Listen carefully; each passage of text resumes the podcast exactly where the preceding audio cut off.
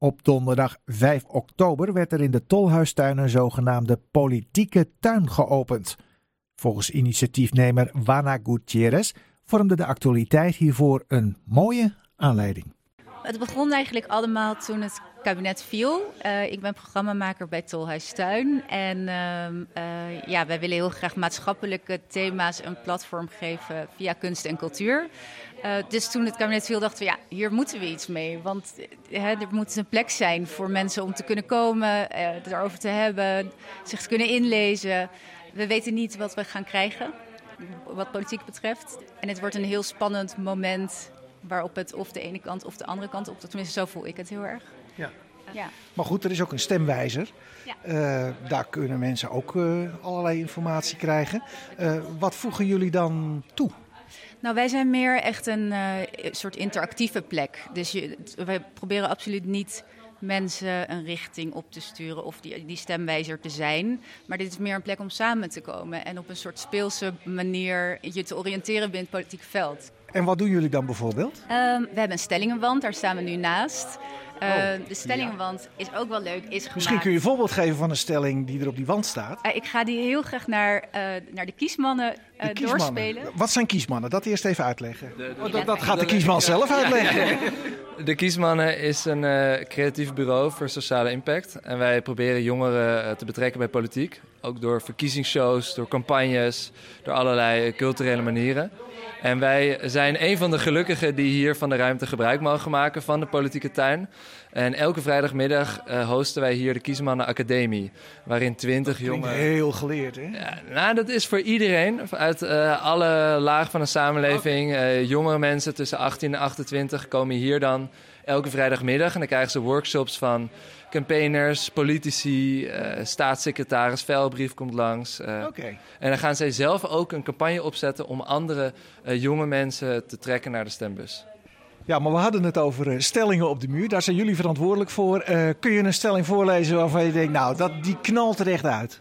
Ja, nou, welke, welke ik bijvoorbeeld leuk vind is het Rijk moet gemeenten kunnen dwingen om meer huizen te bouwen. Zeker voor jonge mensen natuurlijk, die, die struggelen daar heel erg mee. Dus heel erg huizentekort, het is allemaal te duur. Dus mensen worden hier uitgenodigd om met stickers hun mening te geven, daarover in discussie te gaan.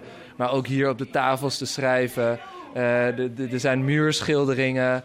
Uh, er is, het is echt een soort levende expositieruimte waar de bezoekers hier in Amsterdam-Noord hun eigen bijdrage aan kunnen doen en dat politieke gesprek met elkaar te voeren. Nou, succes bij het uh, binnenhalen van allemaal belangrijke namen van Noord. Ja, dankjewel. Ja, de tuin is uh, feestelijk geopend door uh, Milou Idink. jij bent een echte Rutte-fan, hè? Nee, ik zou zeggen het oh. omgekeerde. Oh, maar je tekent hem wel, toch? Ik tekende hem, ja.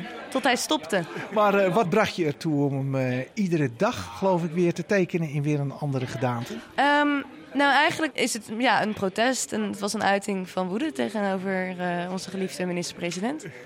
En wat maakt je dan zo kwaad in die man? Nou, ik kan een hele lijst opnoemen. Um, even wat kijken. staat er in de top drie? Oeh, toeslagenaffaire, Groningen-crisis en pechgeneratie. Of nou, het leenstelsel dus. Maar nou is hij gestopt. Stop jij nou ook? Ja, ik heb mezelf ook demissionair verklaard. en hoe bevalt het? Fijn, het voelt als een soort pensioen. Ja, geen zwart gat?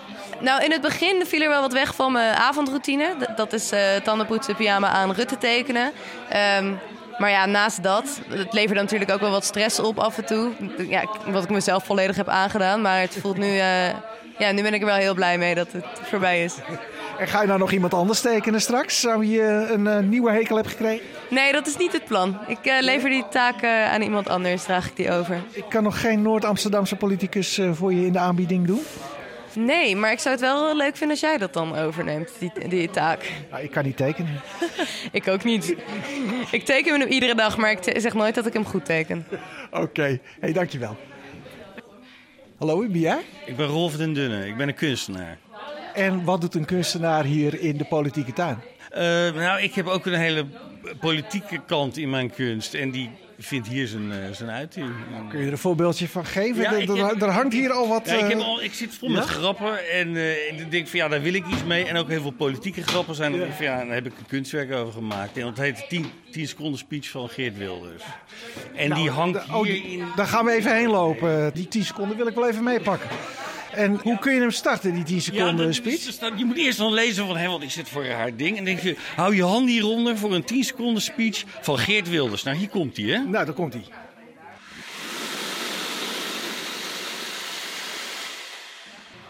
Ja, hete lucht, gebakken lucht, eh, dat, dat is... eh, Ja, het is dus eigenlijk een, eh, gewoon een apparaat uit het toilet waar je je handen onder ja, ja, geloof het. Is, het. Het is een handendroger, ja.